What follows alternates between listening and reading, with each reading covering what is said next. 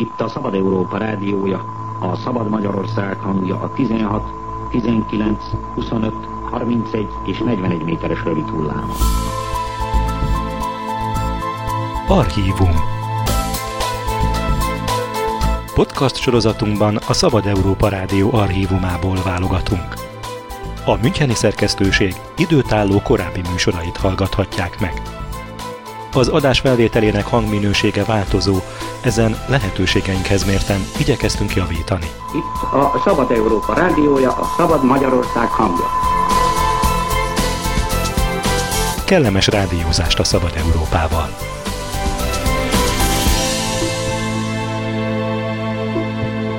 Harminc éve, 1993. október 31-én sugározta utolsó magyar nyelvű adását a Szabad Európa Rádió. Podcast sorozatunk több epizódjában is megemlékezünk a 42 éven át működő magyar szerkesztőség történetéről, majd felidézzük a búcsú műsort is. Most a magyar adás létrehozásának körülményeit és az 50-es, 60-as években folytatott tevékenységét idézik fel a beszélgetés résztvevői. A Szabad Európa Rádió 8-as stúdiójából köszönti Önöket Lengyel Szaniszló a Szabad Európa Rádió magyar adásának utolsó napján. És egyben azt is bejelentem, hadd kezdjem egy személyes megjegyzéssel, hogy utoljára jelentkezem Lengyel Szaniszlóként, hiszen ennél a rádiónál vettem föl ezt az újságírói nevet annak idején, amikor ide kerültem, akkor még otthon élő családom védelmében, és azt hiszem, hogy amikor ez az adás megszűnik, akkor többé ennek az újságírói névnek se lesz többé létjogosultsága. Ismét visszavedlek Ribánszki Lászlóvá. 1989-ben, amikor ugyanebben a stúdióban Dezsőfi Gyulával, a Szabad Európa Rádió magyar osztályának első igazgatójával csináltam interjút, szenior rendező kollégám Takács Tibor amikor a stúdióból kifelé jöttünk, tréfásan azt mondta, hogy na, a Szabad Európa Rádió első igazgatójával csinált interjút a rádió utolsó igazgatója. Akkor jót derültünk a történeten. De hát úgy látszik, négy év múlva ez a jóslat beigazolódott.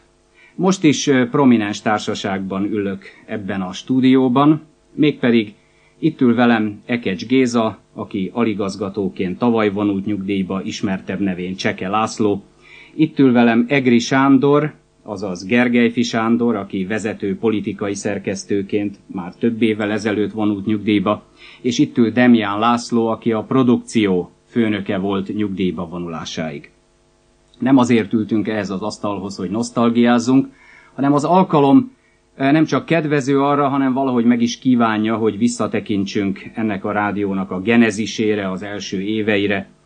Milyen volt az a kor, amely ezt a rádiót szülte, milyen volt a politikai helyzet, kik hozták létre, milyen céllal, kiket toboroztak ezen célok végrehajtására.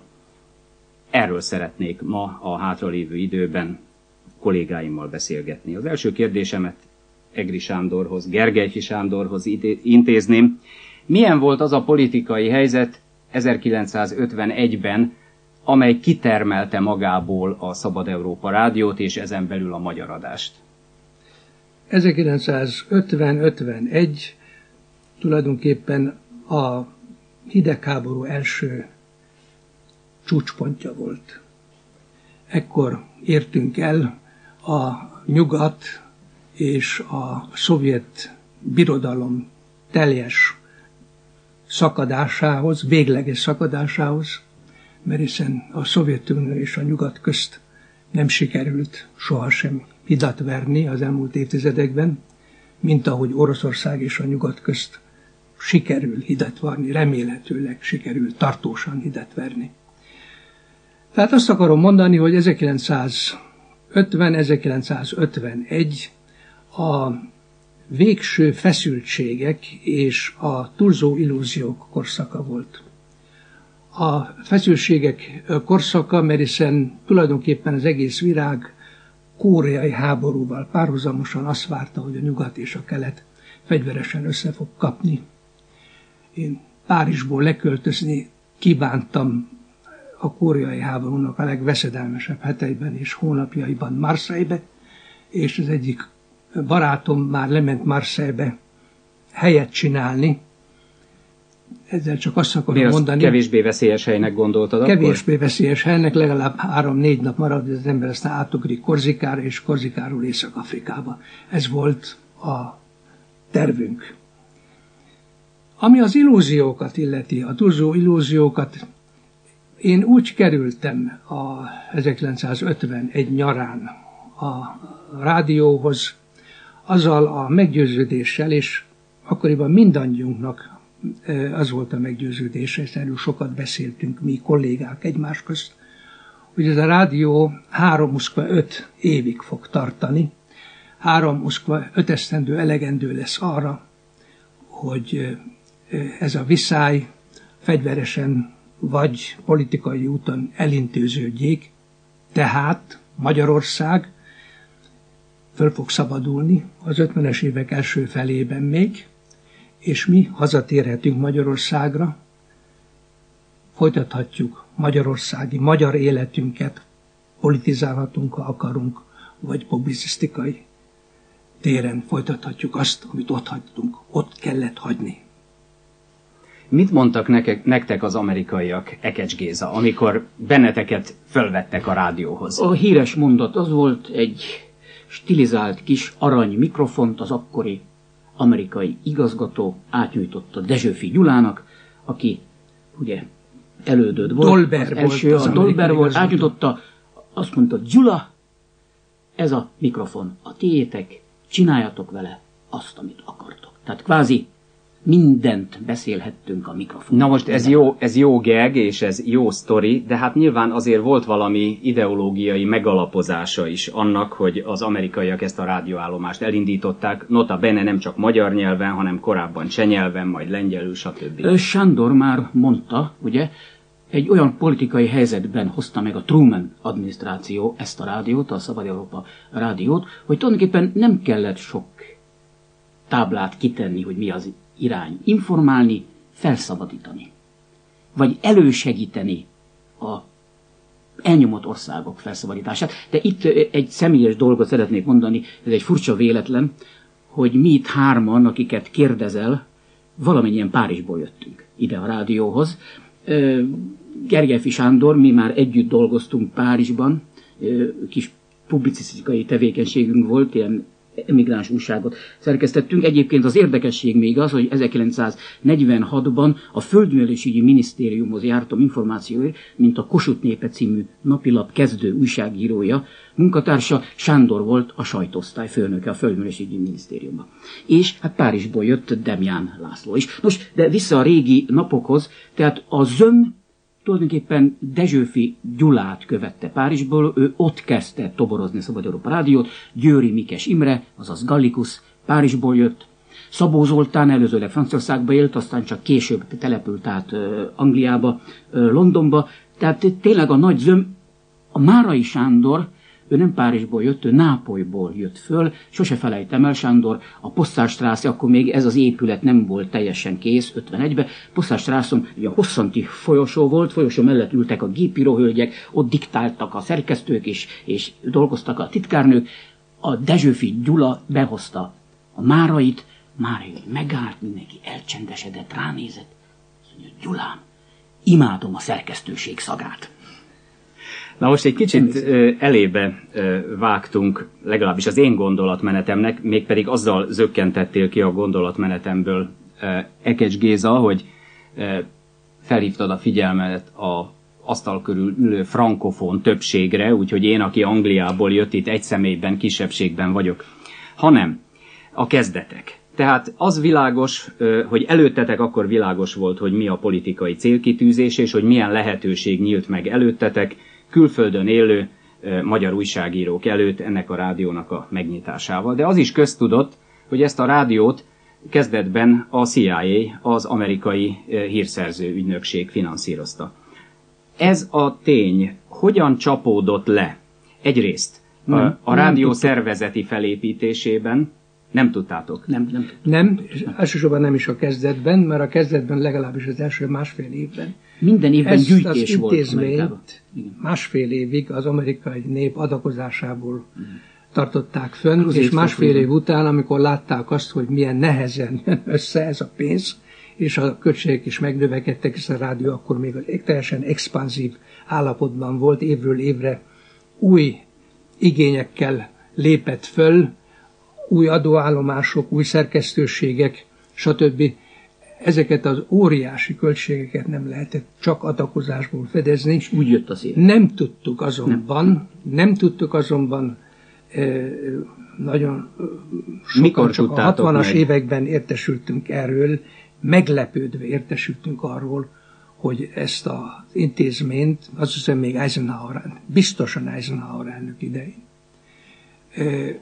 tulajdonképpen a CIA pénzügyi, pénzügyi, kizárólag pénzügyi kompetenciájának, pénzügyi hatáskörébe utalták.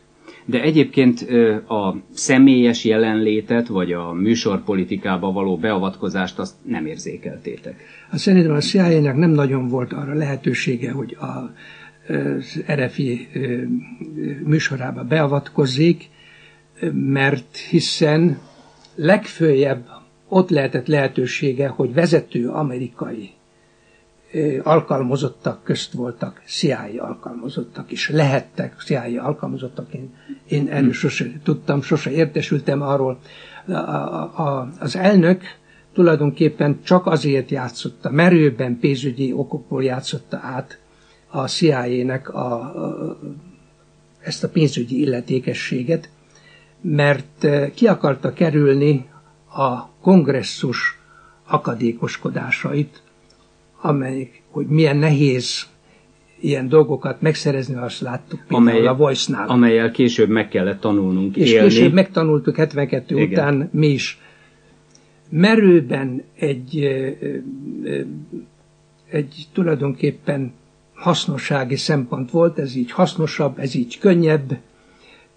A külügyminisztérium és a Nemzeti Védelmi Minisztérium és a Fehérház mindvégig rajta tartotta kezét a rádión, ha politikai iniciatívákat kaptunk, akkor azt először a külügyminisztériumban vagy a Fehérház bevonásával ö, beszélték meg, tehát azt mondhatnám, hogy a CIA-t ilyen politikai utasításoknál, ha egyáltalában ugye ilyen általános politikai irányelvek kidolgozásánál a, a CIA-t a főnökök nem igen vonták be ezbe a munkába. Igen. Na most mind a ketten Magyarországról jött, Párizsi kerülővel Magyarországról jött sajtóemberek voltatok, amikor itt elkezdtetek dolgozni Münchenben, milyennek találtátok a rádió szervezeti vagy szerkesztőségi felépítését? Szokatlan volt, vagy hasonló volt a magyarországi struktúrákhoz? Nagyon hasonló volt, nagyon hasonló volt, itt is volt akkoriban még nem mondtuk az, az osztályfőnökéről, hogy igazgató, a Dezsőfi Gyula nekünk főszerkesztő volt. Ugye? Aztán csak később jött, ugye. E, pontosan az volt, volt belpolitikai szerkesztő, külpolitikai szerkesztő, ugye Turi Lajos bácsi, a fia volt a külpolitika, a Sándor a, akkor a hírosztályon dolgozott. Szóval volt úgynevezett színes műsor, annak is külön főnöke volt. E, egy az egyben. Egy az egyben. Most említést tettetek már nagy öregekről, Márai Sándorról, Mikes Imréről, Szabó Zoltánról. Milyen volt a szerkesztőség személyi összetétele? Ezek a nagy öregek határozták meg a hangulatot és a műsorkészítést, vagy ennél sokkal szélesebb skálán helyezkedtek el politikailag, háttér tekintetében, érdeklődés tekintetében az akkori szerkesztőség munkatársai? Kezdettől fogva tulajdonképpen az volt az úzus, hogy a főszerkesztő, azaz a Magyarosztály igazgatója, akkor Dezsőfi Gyula, határozta meg tulajdonképpen az amerikaiakkal egyetértésben, de elég szuverén módon a rádió politikáját. A igazgatónak azt hiszem mindvégig, erről te tudnál valamit mondani, hogy az utolsó nyolc évben ennek az intézménynek a, a Magyarországnak az igazgatója voltál. Az igazgatónak döntő szerepe volt a politikai irány és a műsor összeállításában. Ez így volt elejétől fogva, tehát hogyha az amerikaiaknak valami kifogásuk volt, akkor a osztály vezetőjéhez fordultak, és nem az illetékes szerkesztőhöz, aki ennek a kifogásnak tulajdonképpen az okozója lehetett. A másik dolog viszont, amit meg akarok említeni, és amiben nem hasonlított a, a rádió a magyarországi szerkesztőségekhez, én dolgoztam magyarországi szerkesztőségben nagyon el, elég hosszú ideig, öt esztendék, egészen 1944. március 19-ig a németeknek a bevonulásáig. Tudom azt, hogy azért a magyarországi lapoknak például a szerkesztősége politikailag homogén volt. Ami a rádiót kezdettől fogva politikailag jellemezte, és ez talán sokkal rosszabb volt az 50-es években, mint a 80-as években, ez a politikai sokféleség, aminek persze vannak előnyei, és vannak hátrányai. Mert nagyon nehéz egy ö, politikailag sokfelé tartó szerkesztőségben egy aránylag egységes, egy irány felé mutató politikát végrehajtani. Mindig akadnak olyanok, akik direkte, indirekte, félmondatokkal, körülírásokkal a kommentárjaikban vagy a cikkeikben megkerülik azt, amit az igazgatónak, mint politikai irányvonalt képviselni kell. Hát azért nagy megnyugvással hallgatlak téged, Gergely Fisándor, mert olyan nagy különbség ezek szerint nem lehetett az 50-es évek szerkesztősége és a 80-as évek szerkesztősége között, két mm. tekintetben is. Az egyik, hogy valóban az utolsó eh, napokig a magyar osztály igazgatójának valóban döntő befolyása volt a műsorpolitikára. Én engem az amerikai főnökeim soha nem helyeztek nyomás alá, nem próbáltak operatíva, operatíve beleavatkozni a műsorokba. És a másik dolog, hogy valóban több felé húz politikailag az osztály, legfeljebb a stílusban lehetett különbség, talán az 50-es években itt dolgozók inkább úri emberek voltak. Ha szabad ehhez még két mondatot mondanom, beszéltem az illúziókról, a túlzott illúziókról, ami a kezdetet jellemezte. Nagyon sokan úgy jöttek ehhez a Szabad Európa rádióhoz, hogy mint hogyha ez a rádió az otthoni politikai pártokat képviselné, mint hogyha ők a saját politikai pártjukat képviselnék, mint hogyha ez a rádió egy kis kormány vagy egy kis parlament volna, ami hát természetesen utólag 40 év táblatából groteszknek tűnik.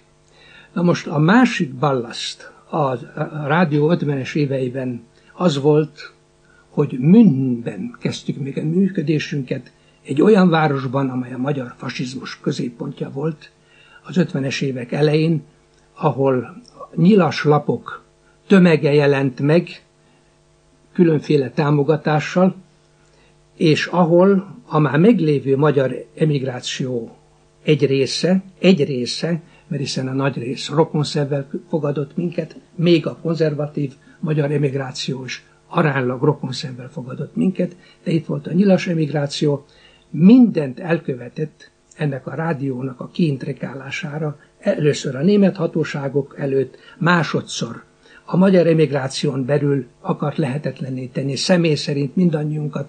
Itt a rádió első éveiben olyan borzalmas dolgokat éltem meg ebből a szempontból, amit egyetlen, magyar, egyetlen más osztály nem élt meg, hogy itt a rádió előtt tüntettek nyilasok a Dezsifű Gyula és le a vörös ellen, le a vörös gróffal, aki ismerte, és az öregek ismerték Dezsőfű Gyulát, azok nagyon jól tudják, hogy a Dezsőfű Gyula minden volt, csak nem vörös.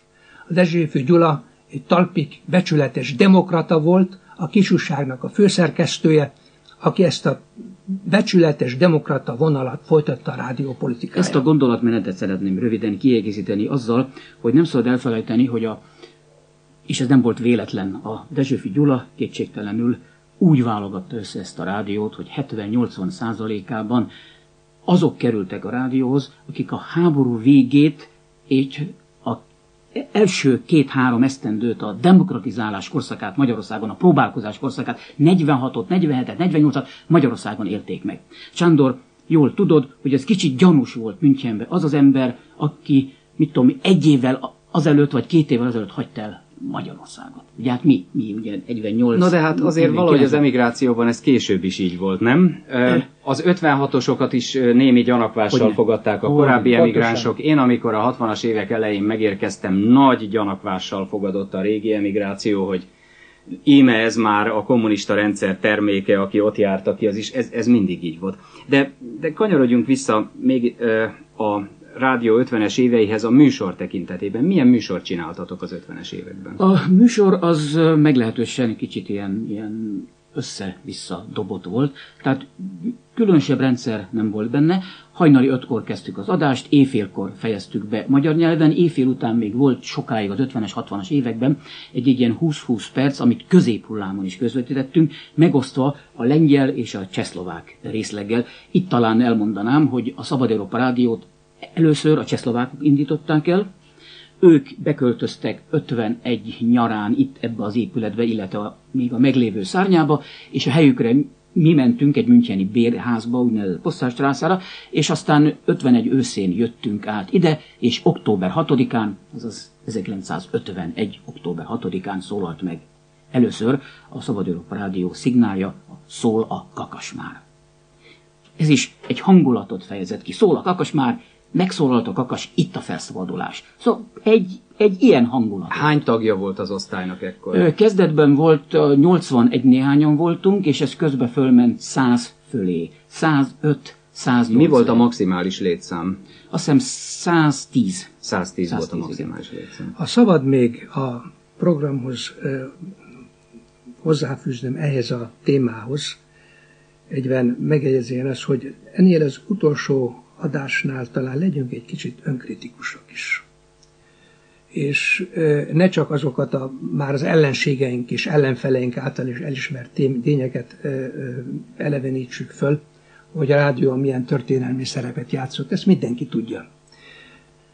Kicsit menjünk rá a hibákra. Az első számú hiba szerintem a rádióban az volt, hogy a rádiónak a hangja, az adások nagy részének a hangja, legalábbis az adások jelentős részének a hangja.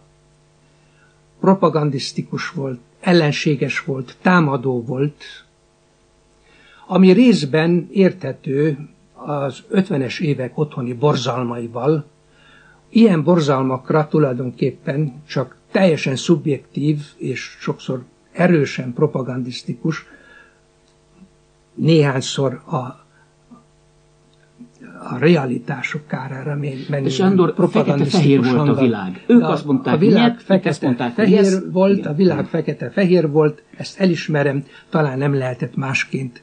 Én ö, utólag azt mondanám, már akkor a hírosztályon dolgoztam, és a hírosztálynál ilyen problémák nem merültek fel, mert mi a tényekről beszéltünk, és nem a tényeket kommentáltuk, Utólag mégis azt mondanám, hogy ez az én ízlésem és az én egyéni véleményem, én visszafogtam volna a hangot.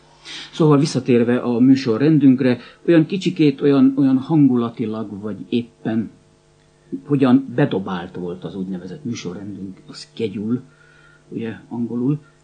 Nem volt benne rendszer, inkább az volt, ugye az eredeti adás körülbelül kezdetben csak 40-50 százalék volt, mennél többet ismételtünk, mert ne felejtsük el, rövid hullámon adtunk, zavarták rögtön kezdettől fogva a, Igen. a rádiót. Tehát tulajdonképpen, és ami a legfontosabb tényező volt, Sándor, ezt sokáig nem realizáltuk, hogy tulajdonképpen egy fekete lukba beszéltünk nem láttuk a hallgató arcát, de még a körvonalait sem. Ez csak később, sokkal később derült ki elsőban az 56-os forradalom idején. Na de várjunk még a forradalommal.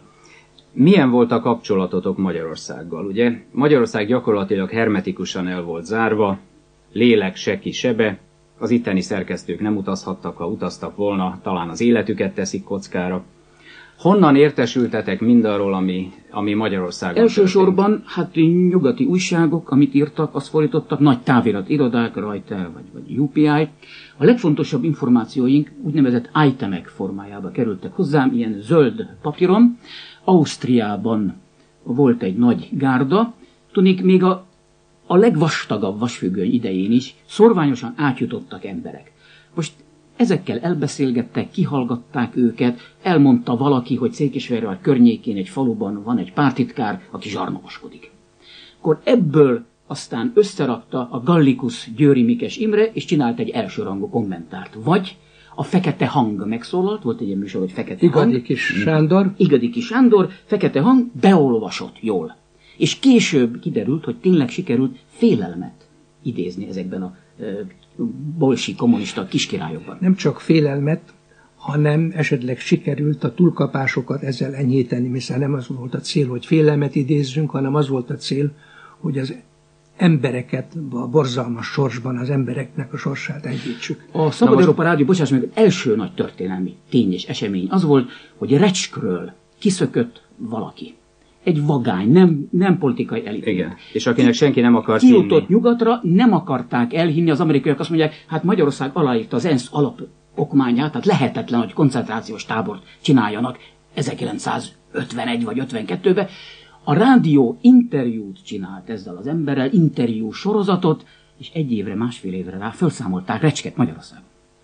Na most azt mondtad, Ekecs Géza, hogy úgy éreztétek, hogy egy fekete lyukba beszéltek bele, mert a hallgatónak még a körvonalait sem láttátok. De vajon ö, tisztában voltatok azzal, hogy milyen hatásuk van ezeknek a rádióműsoroknak? Hát az 50-es években én, mint gyerek, amikor otthon éltem, az én környezetemben ez volt az ablak a világra. Ha mi mást akartunk, mint a hivatalos párt propaganda, akkor nekünk a Szabad Európa rádiót kellett hallgatnunk. Éreztétek ti ezt? Hogyne a Magyarországról kiszökött emberek, amikor azt mondták, hogy hallgattuk a Bálint gazdát, hallgattuk a, a reflektort, ugye Gallikus műsorát, tehát ez már egy elismerése volt a sikerünknek és a Gergely hatásunknak. Sándor? Ezt meg akarom tulajdonképpen cáfolni azt, hogy mi egy fekete lyukba beszéltünk be. A rádiónak kezdettől fogva azt hiszem mind végig tulajdonképpen szerves kapcsolata volt a magyar néppel és a hallgatósággal. Úgyhogy tulajdonképpen a kapcsolatot Sándor, a a hazánkkal, Magyarországgal nem vezet. Ez, ez, ez sokszor direkt, közvetlen volt ez a kapcsolat, sokszor indirekt volt. De a kapcsolatot tulajdonképpen egy percre se vesztettük el. És sose éreztem. Jó, a hallgatók visszaigazolták később. Na most én azt arról meg vagyok győződve, hogy érzelmileg nem veszítettétek el a kapcsolatot Magyarországgal. Végtére is ennél a rádiónál dolgozni, az nem csak egy állás volt, az nem csak egy munkahely volt, hanem az egy hivatás. És ennél fogva, ha nem lett volna érzelmi kötődés a célterülethez, akkor itt senki nem tudta volna úgy végezni a munkáját, ahogy végezte. Hogy igazolta vissza, most egy sokak által neuralgikusnak minősített ponthoz érkezünk, 1956. októberéhez. Hogy igazolta vissza a rádió a forradalom napjaiban a hallgatóság felé, hogy nem vesztette el a kapcsolatát Magyarországgal, a magyarokkal, hogy tudta, mi történik ott, és tisztában volt azzal, hogy az események milyen irányt vehetnek. Ekecs Géza. 56 pontosan úgy meglepett itt bennünket, mint 1989. Tehát amikor összedőlt a, az a bizonyos bástya, amire Rákosi hiv- hivatkozott minden, tudja, a béke bástyája. A, a, Nem rés, hanem erős nem, bástya. erős bástya. 56 váratlanul ért bennünket, az előző hónapok, tehát irodalmi újságcikkek, stb. reményt keltetőek voltak. Volt egy ilyen remény, hogy, hogy, hogy liberalizálódik az a kegyetlen rendszer, de maga a harcok kitörése és minden, csak egyetlen egy példát tudok mondani, amikor a forradalom elkezdődött, én Nászuton voltam Szicíliában. Olasz rádiókból, újságokból láttam, hogy Magyarországon tüntetések vannak, forradalom vannak, gyorsan föl, fölhívtam Münchent, ez körülbelül 24-e, 25-e lehetett, hogy visszamenjek-e dolgozni, a válasz az volt, maradj nyugodtan, leverték a forradalmat. Ugye ez volt az első szovjet intervenció. Minden olyan gyorsan ment. És, és valahogyan a rádiónál problémát okozott az, hogy lám-lám egy Nagy Imre lett a miniszterelnök, hát tulajdonképpen ő is kommunista volt. és erre a helyi események is rácáfoltak, illetve igazolták. Sose felejtsük el a Nagy Imre híres beszédét a parlament előtt, ezzel kezdte, hogy elvtársak. Abban a pillanatban kifügyülték. Mondták, hogy Szóval nem vagyunk vala, mi valahol mi se igen. tudtuk itt, Sándor, hogy tulajdonképpen hova tegyük az egészet. Én két nagyon érdekes, tulajdonképpen a lélektamba tartozó jelenség volt az, am- am- amin a magyar osztály tagjai mentek át 1956. október 23-a és 28-a közt. 1956. október 23-a egy irtozatos sok volt mind, mindannyiunk számára, amikor délelőtt 10 órakor 1956. október 24-én összegyűltünk a többi osztály tagjaival együtt a első számú tudó, stúdióba, ami akkor a konferenciaterem volt, és amikor bekapcsolták nekünk Budapestet, Budapest először 10 percig hallgatott, aztán pontosan 10 órakor megszólalt egy speaker, a bemondó, amelyik felszólította a fölkelőket a Lánchídnál és másütt, hogy tegyék le a fegyvereket. Ekkor realizáltuk tulajdonképpen azt, hogy Magyarországon kitört a forradalom. Ami Nagy Imrét illeti, Nagy Imre olyan mértékben titok volt számunkra, és az ő jövő gesztiója olyan mértékben titok volt számunkra, a legtöbbünk számára, hogy voltak kollégák, akik a forradalom első három napján még olyan kommentárokat írtak, hogy ne higgyetek Nagy Imrének.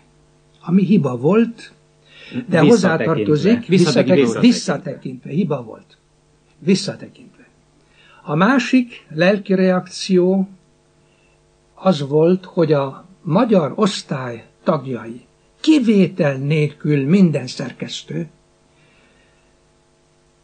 visszavedlettek hazai magyarokká. Pontosan száz százalékban, ezer százalékban úgy éreztek, úgy cselekedtek, egész gondolkodásuk úgy és érzelemviláguk átalakult úgy azoknak az érzelemvilágává, akik a barikádokon álltak, vagy barikádok mögött lesték, hogy mi fog történni. A magyarosztály szerkesztői, most képletesen mondom, a barikádok mögött lesték, kéztördelve lesték, hogy mi fog történni 100 méterre, 800 kilométerre, vagy 750 kilométerre. Ez a 750 kilométer azonban 100 méterre zsugorodott össze. Ezért mondom ezt, mert a kollégáimat, az akkori kollégáimat meg akarom védni, és minden alkalommal megvédem a vád ellen, hogy félrevezették a magyar népet. Itt nem történt más, mint hogy visszavedlettek hazai magyarokká. És emóciók, sajnos az emóciók és nem a ráció szerint cselekedtek. A hiba, ha volt hiba, volt hiba, az volt, hogy az amerikai és az akkori magyar vezetőség nem tartotta őket vissza, lett volna technikai és egyéb lehetőség arra, hogy bizonyos cikkek, bizonyos előadások megtartásától visszatartsák őket. Erre nem volt mersze se az amerikai vezetőségnek, se az akkori magyar vezetőségnek. Tehát, tehát Elementális nem, nem zárjátok ki annak a lehetőségét, hogy ebben a túlfeszített légkörben voltak, akiket ö, elragadtak az indulatok. Hogy? És ennek következte, ezek az indulatok végül is politikai hibába torkoltak. Csak egyet ki kell hangsúlyozni, Sándor, azt hiszem a nevedben is mondhatom, az, hogy a Szabad Európa Rádió fegyvereket ígért, harcra buzdított, ilyen műsor nem hangzott el.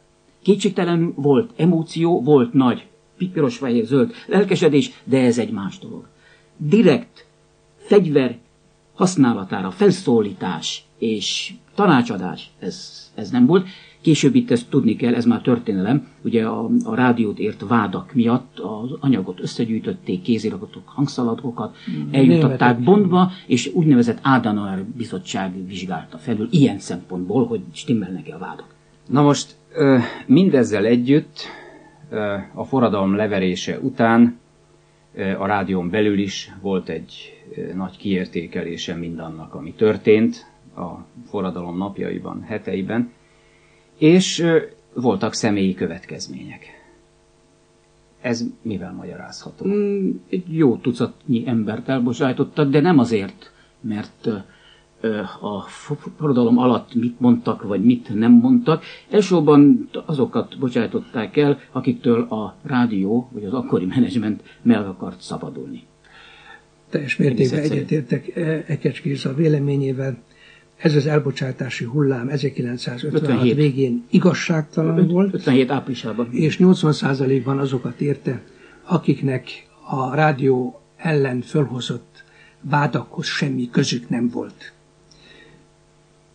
Most ugorjunk egy kicsit az időben, mégpedig részben udvariasságból, mert Demián László kollégánk szegény 35 perce hallgatóként ül az asztalnál, úgyhogy majd tőle ismét visszakanyarodunk, de Laci, te a 60-as években kerültél a rádióhoz. Ugye itt egy új korszak kezdődött.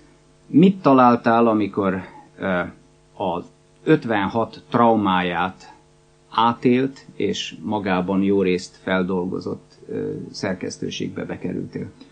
Hát talán még bevezetőül annyit, hogy kicsit féltékenyen hallgattam Gergefi Sándor és Ekecs Géza élménybeszámolóját az első tízed néhány évről, ugyanis valami kimaradt ezek szerint az életemből, mert ezt szívesen megértem volna, ez időben még a szocializmust építettem, hogy mondani szokás. Otthon az eredmény megértük mindannyian. Olyan is lett az Olyan is lett. A forradalom után hagytam el Magyarországot, mint elhangzott először Párizsba, és közel öt évig ott dolgoztam, majd ide kerültem 62-ben a rádióhoz. A rádiónál egy már lényegesen prózaibb, lényegesen emóciómentesebb, hétköznapibb, de ezzel együtt szakmailag talán megalapozottabb és organizáltabb közeget találtam. Ez vonatkozik mind a szerkesztőségre, mind a többi osztályra. Mondjuk a rádió, ha ezt mondom, hogy többi osztályra, a rádió klasszikus felépítése, az tulajdonképpen ugyanaz, mint, mint a többi rádióé, rádióé bárhol a világon, mint a budapesti rádióé is volt. Tehát szerkesztőség, hírszerkesztőség, műsorlebonyolítás, az nálunk produkciónak hívták, és az adminisztráció. Na most, ha azt mondom, hogy prózaibb, akkor ezt nem pejoratív értelemben mondom, hanem éppen ellenkezőleg egy átgondoltabb, és ez már ennek a bizonyos 56-os időt követő korszaknak volt a következménye, ahol bizonyos rezümét vontak az 56-os eseményekről, illetőleg az azt követő eseményekről. Részben az amerikaiak, részben pedig a magyar vezetőség, a magyar munkatársak. Megmaradt azonban egy, amit még megértem, hála Istennek, azokat az egyéniségeket a rádiónál, szerkesztőségben és a produkcióban, más nyelven műsorlebonyolításban, akik a rádiót az első tíz évben, eh, hogy úgy mondjam, uralták, és később is eh, rányomták a bélyegüket a műsorra. Eh, hogy csak néhányat említsek, hát elhangzott Mikes Imre neve. Mikes Imrével egy 10 perces programot felvenni, mint rendezőnek, az egy olyan élmény volt, hogy valóban maradandó a mai napig. A vele való beszélgetés a műsor előtt 5 perc és vagy utána 5-10 perc, az egész egyszerűen kimoshatatlan az ember agyából. Annak idején, mint rendező kezdtem. De a, műs- a produkción belül az akkori, ma azt mondanám, hogy öregek, az akkori fiatalok, a nagyok, akár egy Bikics Gábor, aki Beteg Gábor néven szerepelt akkor, egy hallatlanul művelt, több nyelven beszélő, rendkívül értelmes ember, vagy Szamosi József, aki Somodi József néven írt is, irodalmi összeállításokat készített és rendezett, apropó irodalmi összeállítások. A 60 éve, 60-as évekre jellemző, és azt hiszem, nem tudom megítélni a korábbi éveket, mert mint említettem, nem voltam itt, de talán a legszebb évei voltak a 65-től 75-ig körülbelül a műsorainknak az irodalmi összeállítások, a rádiójátékok, egy-egy rádiójáték, amit adott esetben Halász Péter írt például, vagy visszaemlékszem ilyenre, amit Kovács Dénes írt, színes produkciók, zenés produkciók, meglehetősen nagy felkészültségű műsorlebonyolítással, Tasnádi Fekete Mária például, az egykori híres UFA sztár, Horváth Mária, Petrovics Sveti, akit még megértem halála előtt röviddel. Horváth Mária, aki Magyarországon kezdő színésznő volt, de itt a szószoros értelmében kivirágzott és nagyszerű produkciókban itt egy közé. kiegészítést mondanék, az 50-es években klasszikus hangjáték felvételek voltak. Az első ilyen hangjátékunk volt Márai Sándor kassai polgárok, Kovács Aladár rendezte, Indigottó volt a dramaturg, már bedolgozott a Szamosi Jóska is, mm. és hát egy fantasztikus műsorok voltak ezek a rádiójáték. Az a Kovács Aladár, aki hát, a Nemzeti Színháznak. Parádés ez a névsor, de azért egészítsük ki még egy névvel, egészítsük ki Cseke Lászlóval, hát aki itt ül velem szemben. Hát a te nevedhez fűződik egy eh, nagy újítás a Szabad Európa Rádióban, és egy, egy újabb legenda elindítása a délutáni rendezvú Teenager Party. Mi volt a genezise ennek a két ha műsornak? a magyar forradalom nem bukik el, akkor nincs Teenager Party. Tudnék, a forradalom bukása után egy nehéz légkör ülte meg ezt a rádiót, miről beszélni, hogyan beszélni, hogyan politizálni, sose felejtem el, az akkori főnök Bede István, aki korábban a londoni követ volt, Bede István 57-ben, amikor már ebből a, a forradalom okozta békjóból a rádiót kezdett kicsit felocsudni, azt mondta, öcsém, kellene csinálni valami zenés műsort, jazz műsort. Elkezdtem egy jazz sorozatot, és abból lőtte ki magát aztán az első magyar nyelvű úgynevezett diszcsoki program. Ne, nagyon helyesnek tartom ezeket a személyi megemlékezéseket, de tulajdonképpen térjünk egy kicsit vissza a politikai irányvonalhoz. Ezt akartam tőled kérdezni, hogy milyen volt a politikai közérzet a 60-as években a rádiónál? 56 eseményeiből az amerikai vezetőség azt a következtetést vonta le, hogy a rádió irányvonalán változtatni kell, a rádió a jövőben ne játszon más szerepet, mint az objektív tájékoztatás. Tehát mondjuk azt a propaganda elemet, vagy csak propaganda hangot, amiről én már beszéltem az 50-es évek kapcsán, azt száműzni kell, sajnos ezzel együtt száműzték a nagy egyéniségek stílusát is, az említett Gallikus, az említett Cupi Bálint, nem és még három-négy Márai Sándor stílusát is, akiknek ebben az új műsorkonstrukcióban már tulajdonképpen nem sok szerep jutott egy-egy vasárnapi levél, egy-egy falusi levél, Gallikusnak egy-egy elrejtett reflektora.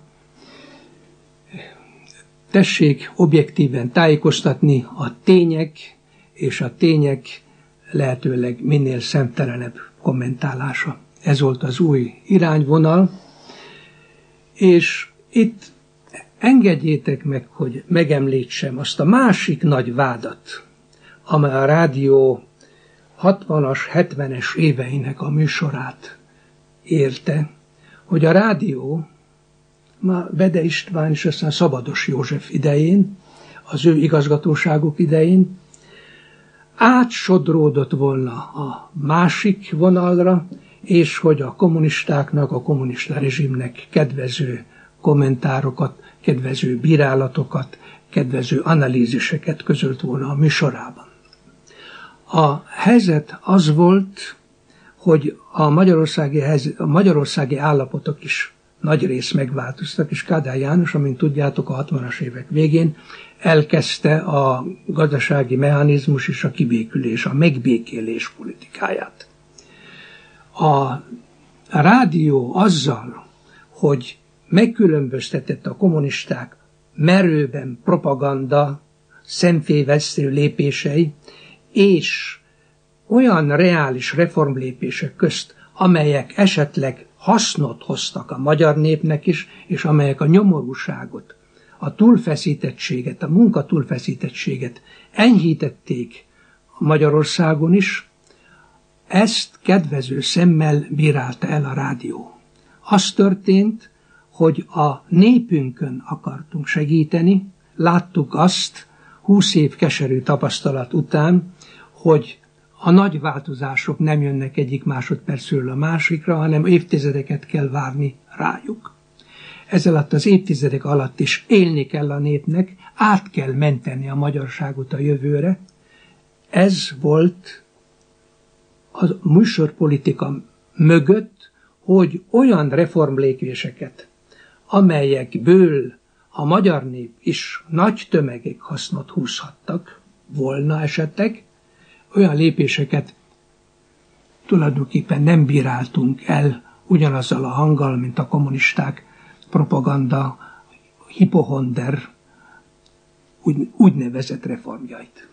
Tehát a rendszer megváltoztathatatlannak tűnt, és legfeljebb azt érzékeltétek, hogy belülről apró módosításokat lehet végrehajtani rajta. De a szovjet hegemónia miatt ugye különösen 56, majd később 68 fényében ezt az országot nem lehet kiszakítani a szovjet érdekférából. És az amerikaiak sugalták a bridge és building, az, a hídépítés. Az amerikaiak sugalták. Demian László? A politikai mondani való mellé paralel az évek múltával egy másik probléma jött, ami természetesen az én szívemhez állt közelebb, nevezetesen a, ahogy 10-15-20 esztendő telt el a rádió alapítása után, megszűkült azoknak a száma, elsősorban a produkcióban, akik még ö, szakmailag alkalmasak voltak a további munkára, újak, akik Magyarországról kijöttek. A régiek megvoltak még, fölnőtt melléjük házon belül egy új nemzedék, Takács Tibor nevét említetted például, vagy Duka Miklós, aki sajnos közben meghalt, jó néhányat lehetne mondani, de Magyarországról már kevesen jöttek ki, mert éppen az említett kádári periódusban a magyar színészek, a szak terület egyszerűen nem akarta elhagyni Magyarországot. Ez az egyik. A másik pedig az idegen környezetben való élés következményeként a magyar nyelv tisztaságának a megőrzése. És itt megint csak azt kell mondjam, hogy a műsorlebonyolítás volt a e, nehéz helyzetben, mert ha egy szerkesztő odaül a mikrofon elé, és elmondja a saját kommentárját, és tételezzük fel nem olyan tiszta magyar nyelven, vagy e, ha nem is akcentussal ez túlzás lenne, de esetleg egy más lejtéssel, ami ráragadt 10, 20, 30, 40 évi nyugaton való tartózkodás után, az még elfogadható. De ha egy bemondó, akinek ez a foglalkozása, elvesztette a tiszta magyar beszédnek az elemeit, akkor az már baj. Itt volt probléma, és itt kellett mondjuk aránylag erős kézzel a problémába belenyúlni olyan hála Istennek olyan emberekkel, mint éppen Szamosi József például, aki, aki nagymestere volt ennek, aki néha összeállításokat csinált egy hét, két hét műsoráról, és kipécézte azokat a hibákat, amik ezen a területen voltak. Kedves kollégák, még egy kérdésre van idő. Ugye magyarok lassacskán elkezdtek utazni a 60-as években, tehát a személyes kapcsolatok megélénkültek. Hogyan hatott ez akkor a ti munkátokra, Gergely Fisándor? Ez az úgynevezett direkt kapcsolatokat még szorosabbá tette. Én azon a véleményem vagyok, 40 évig úgy éreztem, amíg ennél a rádiónál dolgoztam, hogy a kapcsolatom a magyar hazámmal soha nem szakadt meg teljesen. Még hogyha csak kerülő úton álnevekkel tudtam levelezni a hazaiakkal és legközelebbi rokonaimmal, barátaimmal, de a kapcsolatok nem szakadtak meg, nem szakadtak meg, mint rádiószerkesztőnek sem, mert hiszen láttam azt, naponta láttam azt, hogy mi történik Magyarországon. A személyes kapcsolatoknak a megélünkülése csak gazdagította tulajdonképpen a, a saját élményeimet és a meglátásaimat Magyarországról. Ekecs Géza? Meglepő és megdöbbentő volt az, amikor megjelent a hallgató, arccal, és beszélt, és elmondta, hogy mit hallgatott, vagy mit hallgat nálunk rendszeresen, olyan eszméi képet kaphattam, ha álmaimban sem hittem volna, hogy a hallgatók ilyen precízen, alaposan ismerik a Szabad Európa Rádiót. Amikor visszamondtak bizonyos műsorokat, bizonyos zenei szignálokat, neveket, elképesztő volt az a ragaszkodás, ahogy a hallgató a rádióról beszélt, a rádió egy-egy munkatársának. Kedves hallgatóink, elhangzott beszélgetésünkben visszatekintettünk a Szabad Európa Rádió magyar osztályának 50-es, 60-as éveire. Beszélgető partnereim voltak Ekecs Géza, Gergelyfi Sándor, Demján László.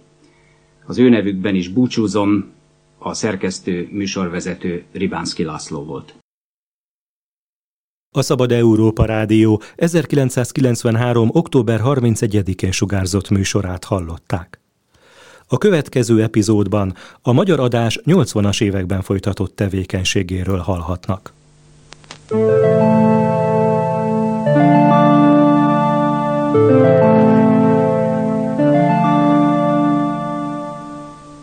Az eredeti felvételt az Országos Széchenyi Könyvtár történeti fénykép és interjútára őrzi és bocsátotta rendelkezésünkre.